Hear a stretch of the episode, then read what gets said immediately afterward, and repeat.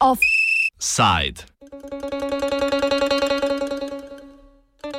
I Janaf bi sine.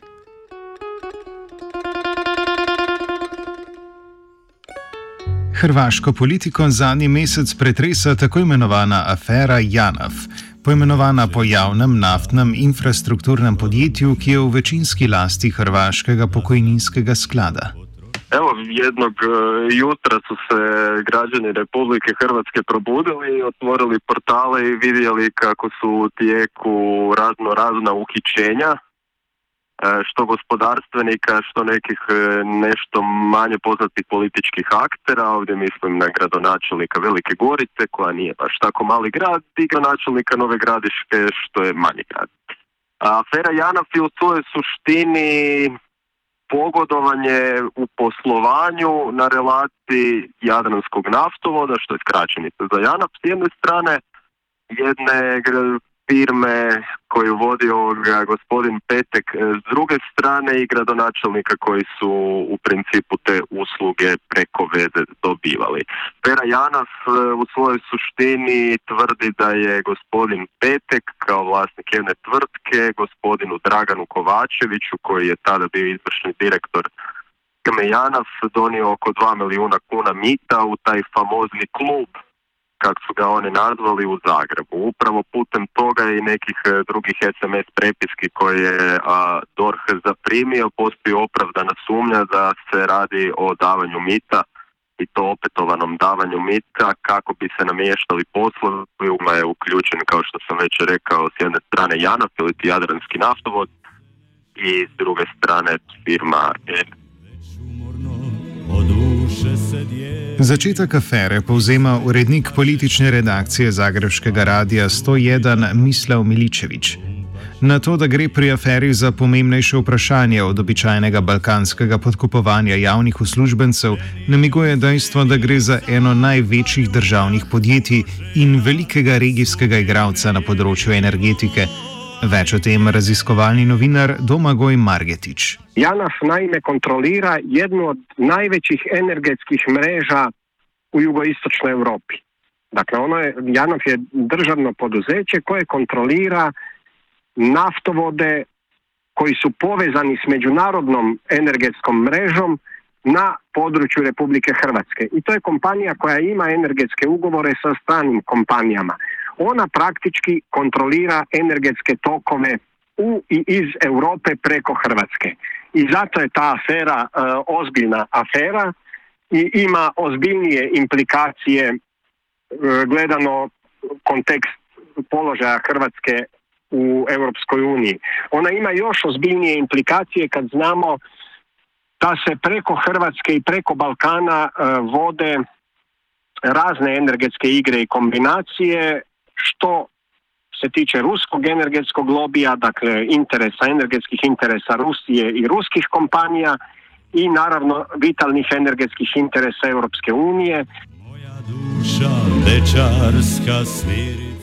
A kočljivost dokazane koruptivnosti enega najpomembnejših hrvaških energetskih podjetij je hitro zasenčila nova razsežnost afere, ki je skoraj vsak dan postregla z novimi odkritji. Kmalo po septembrskem razkritju koruptivnih poslov, v katere je bil upleten omenjeni direktor Janafa Dragan Kovačevič, pa je afera dobila še eno razsežnost. Policija in Hrvaški urad za preiskovanje korupcije v skok sta namreč ugotovila, da so večino prejete podkupnine v gotovini hranili v zasebnem klubu na slovenski ulici 9 v Zagrebu, ki ga je upravljal Kovačevič. Klub je u principu službeno klub Slavonaca. U gradu Zagrebu je posve normalno da studenti i ini koji dolaze u Zagreb živjeti osnivaju klubove za svoje mještane ili za svoje prijatelje, nazovimo to tako. U ovom slučaju imamo klub Slavonaca. U tom klubu Slavonaca koji je bio i poluotvoren koliko se ja upućem prije ovih svih ovoga koruptivnih e, afera, to je bio klub u kojoj su ljudi sa članskim iskaznicama, ako se ne varam, mogli ući. Ono što se tamo događalo je da je taj klub postao okupljalište prijatelja Dragana Kovačevića, njegovih e, suradnika, poslovnih i privatnih, a među njima su se i našli neki naši ministri, to će je trojica njih. I ono najbitnije u tom klubu su boravili i neki bivši predsjednici Stjepan Mesić, a s druge strane i aktualni predsjednik Republike Hrvatske Zoran Milanović. A, nije u potpunosti poznato što su oni tamo radili, ono što sad e, naši novinari pokušavaju otkriti je upravo što je tamo tko radio i kada. A, najznačajniji akter e, tog pitanja je svakako Zoran Milanović koji tvrdi da je u tom klubu bio nekoliko puta. Više puta je davao izjave upravo na to pitanje, pomalo se izvlači, marginalizirajući svoje odlaske tamo na doslovce pijenje vina i jedenje ribe koje nitko nije htio kupiti, pomalo smiješno moram priznati, ali u principu za sada nitko od aktualnih ministara, naravno niti predsjednik, nisu umješani u aferu što se tiče mita. Težko je najti politično opcijo ali vplivnega politika na Hrvaškem, ki ne bi bil na nek način povezan z omenjenim ekskluzivnim klubom. bitno je da je u trenutku predavanja mita u tom klubu boravio i suprug već sada bivše predsjednice Republike, gospodin Jako Kitarović. Neki sumnjaju da taj novac uopće zapravo nije bio mito za poslovanje firme Elektrocentar, Petek i, i Janafa, već da je to bio novac za predizbornu kampanju Polinde Grabar-Kitarović koja je onda potom u siječnju izgubila te izbore. To su sve nedokazane tvrdnje, to su sve navodi koji trenutno hrvatski mediji istražuju, prepituju i pokušavaju dovesti u, u neki kontekst. V soju luči sta se zaradi afere znašla tudi predsednik države Zoran Milanovič in predsednik vlade Andrej Plenković, ki sicer pripadata nasprotujočima si političnima opcijama v Hrvaškem saboru. Predsednik države Milanovič je, kot že omenjeno, večkrat gostoval v klubu. Predsednik vlade Plenković pa je Kovačeviča ponovno nastavil na čelo Janafa v trenutku, ko je policija že preiskovala njegovo koruptivno dejanje. Da, postoji E, nekih novinara da je Plenković ovo zakuhao kako bi nekome ovoga napakostio. Je li to istina? Mi to ne znam. Ono što Plenković uporno govori da je upravo afera Janaf dokaz da je HDZ-ova borba protiv korupcije beskompromisna jer ni članska iskaznica, ni ime i prezime nikoga ne štite od od e, uhićenja i da je rad naših e, pravosudnih tijela neovisan. Koliko to istina ne znamo, ono što jest istina je da neki od aktera ove afere Janov jesu članovi HDZ-a, ali neki i SDP-a, to je vrlo važno za naglasiti. No, glavni problem ove priče je da je Draga Kovačević bio reizabran za, za, za direktora Janapa u mjesecu veljači, ako se ne varam što Plenković e, navodi kao direktan dokaz da nije znao što se događa u, u, u, u, u uskoku i dorhu i njihovim istraživanjima. Najveći kamen poticanja između Plenkovića i Milanovića je sljedeći. Zoran Milanović tvrdi da kad je on bio premijer, da je on e, znao sve što se događa iza kulisa, točnije da nije bilo moguće da se vrši istraga nad nekim Draganom Kovačevićem, nazovimo ga tako, a da on to ne zna. Margetič ob tem poudarja, da bi v delujoči demokratični družbi že zgolj prisotnost visokih politikov v sumljivih privatnih klubih morala zadostovati za odstop celotne vladajoče garniture. V ovom trenutku jedini moralni čin predsednika vlade i predsjednika države e, bile bi ostavke Zašto? Zato što je vlada upletena u taj paralelni sistem i Andrej Plenković mora snositi političku i osobnu odgovornost. I druga stvar, ne može predsjednik države u vrijeme krize dolaziti na tajna mjesta, u tajne klubove, e, sastančiti na taj, tim tajnim mjestima, svjedočiti raznim ilegalnim aktivnostima na tim tajnim mjestima i nakon toga reći pa je bio sam zato što je bilo viška hrane. Predsjednik Milanović bi isto kao i premijer Plenković morao iz moralnih razloga zbog osobne političke odgovornosti podnijeti ostavku jer je sudjelovao u tom svemu, jer je dolazio u taj klub koji je jedan od klubova u mreži paralelne vlasti u Hrvatskoj. I mi više ne možemo vjerovati da takve osobe koje sudjeluju u takvim radnjama štite ni ustav ni zakone A tudi ob ignoriranju raznih prestopkov, prekrškov in zločinov, ki so jim bili politiki priča v klubu ali pa so pri njih celo sodelovali, se ob spoznanju, kako je klub sodeloval s hrvaško državno elito, postavlja morda še pomembnejše vprašanje, ali se odločitve na Hrvaškem sprejemajo v hišah javnosti ali v javnih hišah. I oni sad žele priču o tom tajnom klubu svest na nekakve eskort dame, na prostitutke, na skupo piće i skupo jelo koje se tamo služilo, e, na eto ilegalni kafić, a to, ta priča o tajnom klubu je puno ozbiljnija. Dakle, mi imamo u Hrvatskoj e, paralelnu vlast. Ti klubovi postoji na drugim mjestima, ovo je samo jedan od tih klubova. ti klubovi su praktički paralelna vlast i na toj razini se u Hrvatskoj donose odluke. To je zašto je ta priča o klubu velika priča. Pa zato što pokazuje da se u Hrvatskoj odluke strateške odluke ne donose i strateške recimo evo energetske odluke, strateške ekonomske odluke, strateški ugovori da se o tome ne odlučuje na institucionalnoj razini. Dakle na sjednicama vlade, na sjednicama uprava pojedinih poduzeća, državnih i tako dalje. Nego se o tim stvarima odlučuje u ovakvim privatnim klubovima, na privatnim druženjima, u praktički paralelnim institucijama koje u Hrvatskoj funkcioniraju.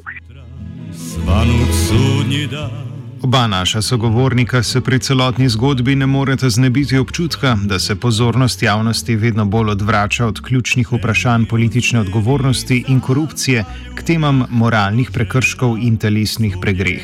Miličevič. E, je li to plasirano od strane samih aktera da se makne fokusa merituma, ne znam, ali svakako bih ja osobno više volio da razgovaramo o tome gdje je tih 2 milijuna kuna i još puno više, jer gospodinu Kovačeviću pronašli još neke novce u autu. Za koga su bili ti novci, ne znamo. E, za što su bili namijenjeni, još uvijek ne znamo da se vratim. Je li to bio novac kao mito za, za gospodina Kovačevića od strane gospodina Peteka, je li taj novac zapravo bio prljavi novac za kompaniju Kolinda Grabar Kitarović jer je tamo bio njen suprug, ne znamo. A mediji su možda profulali meritum, možda nisu, možda se tu ne treba ništa pretjerano spektakularno, mi to ne znamo, ja nisam sklon senzacionaliranju, ali sklon sam misliti da jest, greška je, da, ne pričamo o meritumu, mislim da je najbitnije pitanje ove afere a, koliko je to dugo trajalo, koliko je takvih poslova namješteno putem uh, mita, tko je tu izgubio i ono najbitnije tko je dobio. Čeprav zlasti vladni podporniki afero prikazujejo kot velik uspeh hrvaških protikorupcijskih institucij, pa se v ozadju celotne zgodbe poraja še eno pomembno vprašanje. Če tudi namreč predsednik vlade po lasnih besedah ni vedel za policijsko preiskavo direktorja Janafa, je za njo očitno še pred obiskom kriminalistov izvedel Kovačevič sam in poskušal uničiti dokazno gradivo, a neuspešno. Tiče curenja informacije, to nije novost da sad ne idemo u, u povijest toga kada su se curile informacije, ali e, informacije redovito cure. Bilo u aferi Janaf, e, bilo u aferi vjetroelektrane koje sam ranije spomenuo jer je Josipa Rimac otkrila bubicu u svom automobilu nekoliko dana prije uhićenja. Je li ona nju mogla naći slučajno ili ne, to je pitanje. Što se tiče afere Janaf, jedno je sigurno Dragan Kovačević je a, netom prije uhićenja bacio svoj e, mobilni telefon u rijeku Savu, što su naši policajci na vrijeme otkrili, izvukli mobitel van i uspjeli spasiti podatke. No ono što je problem je da je Dragan Kovačević znao. Od kuda cure podaci, to nitko ne zna, nitko ne želi reći. Naš ministar govori da se aktivno radi na tome da se to spriječi, no da završimo tu za sad nemamo puno informacija jer u ovoj državi nitko ništa ne zna, svi sve znaju. Premijer Plenković nema pojma o istrazi, a Dragan Kovačević prije njega zna da će biti uhićen. Tako da sve te priče nama daju do znanja da to da nitko ništa ne zna baš ne drži vodu. Očigledno je da, da postoje krpice, nazovimo i to tako, u, u nekim tijelima koja se bave tim istraživanjima, koja e, cinkare te informacije van, što je teško kazneno dijelo, ali za sada nitko od osumnjičenih za takvo kazneno djelo nije bio niti prozvan, niti procesuiran, koliko ja znam, pogotovo naravno ne u aferi Janaf i vjetroelektrane, to je taj faktor X. Po Margetičevem mnenju pa sta tako navidezna kaotičnost preiskave kot izdajanje informacij o preiskavi posledica notranjih bojev v preomenjenih senčnih državnih strukturah, ki pomembno vplivajo na delovanje državnih aparatov. Naravno, da unutar tih paralelnih struktura postoje interesne skupine koje se međusobno bore. I Plenković je preuzimanjem HDZ-a pokušao eliminirati jedan dio te paralelne infrastrukture, recimo taj Milijan Brkić, bivši potpredsjednik Sabora i bivši zamjenik predsjednika HDZ-a, koji je zapravo e, jedan od šefova onog što zovemo u Hrvatskoj paraobavještajnog podzemlja. Ali ga nije uspio do kraja eliminirati jer nije shvatio e, zapravo te kombinacije igre u potpunosti. I zato je moguće da obavještajne sigurnosne informacije cure. Zato je bilo moguće da ljudi saznaju da su pod pratnjom i bacaju telefone. Hrvatski sigurnosni aparat je šupalj kao švicarski sir. Dakle, on je jednostavno premrežen kadrovima te paralelne vlasti. E, sigurnosni aparat Hrvatske je premrežen ljudima koji su povezani sa koruptivnim strukturama i organiziranim kriminalom i nije uopće čudo da informacije cure. Vi za par stotina ili hiljadu eura možete u Hrvatskoj kupiti informaciju koja je trenutno pod sigurnosnim mjerama, koga se trenutno prisluškuje i naravno onda možete dojaviti tim osobama. Moja duša Aretacije očitno koruptivnih elementov v hrvaški državni upravi, pri kateri gre nedvomno za pozitiven razvoj dogodkov, tako vedno bolj kazi tok dogajanja, ki nam daje slutiti, da se temeljnih težav, povezanih s politično kulturo, javnim nadzorom nad finančnimi tokovi in laganjem javnosti, ne da rešiti brez korenitejših sprememb v hrvaški javni politiki.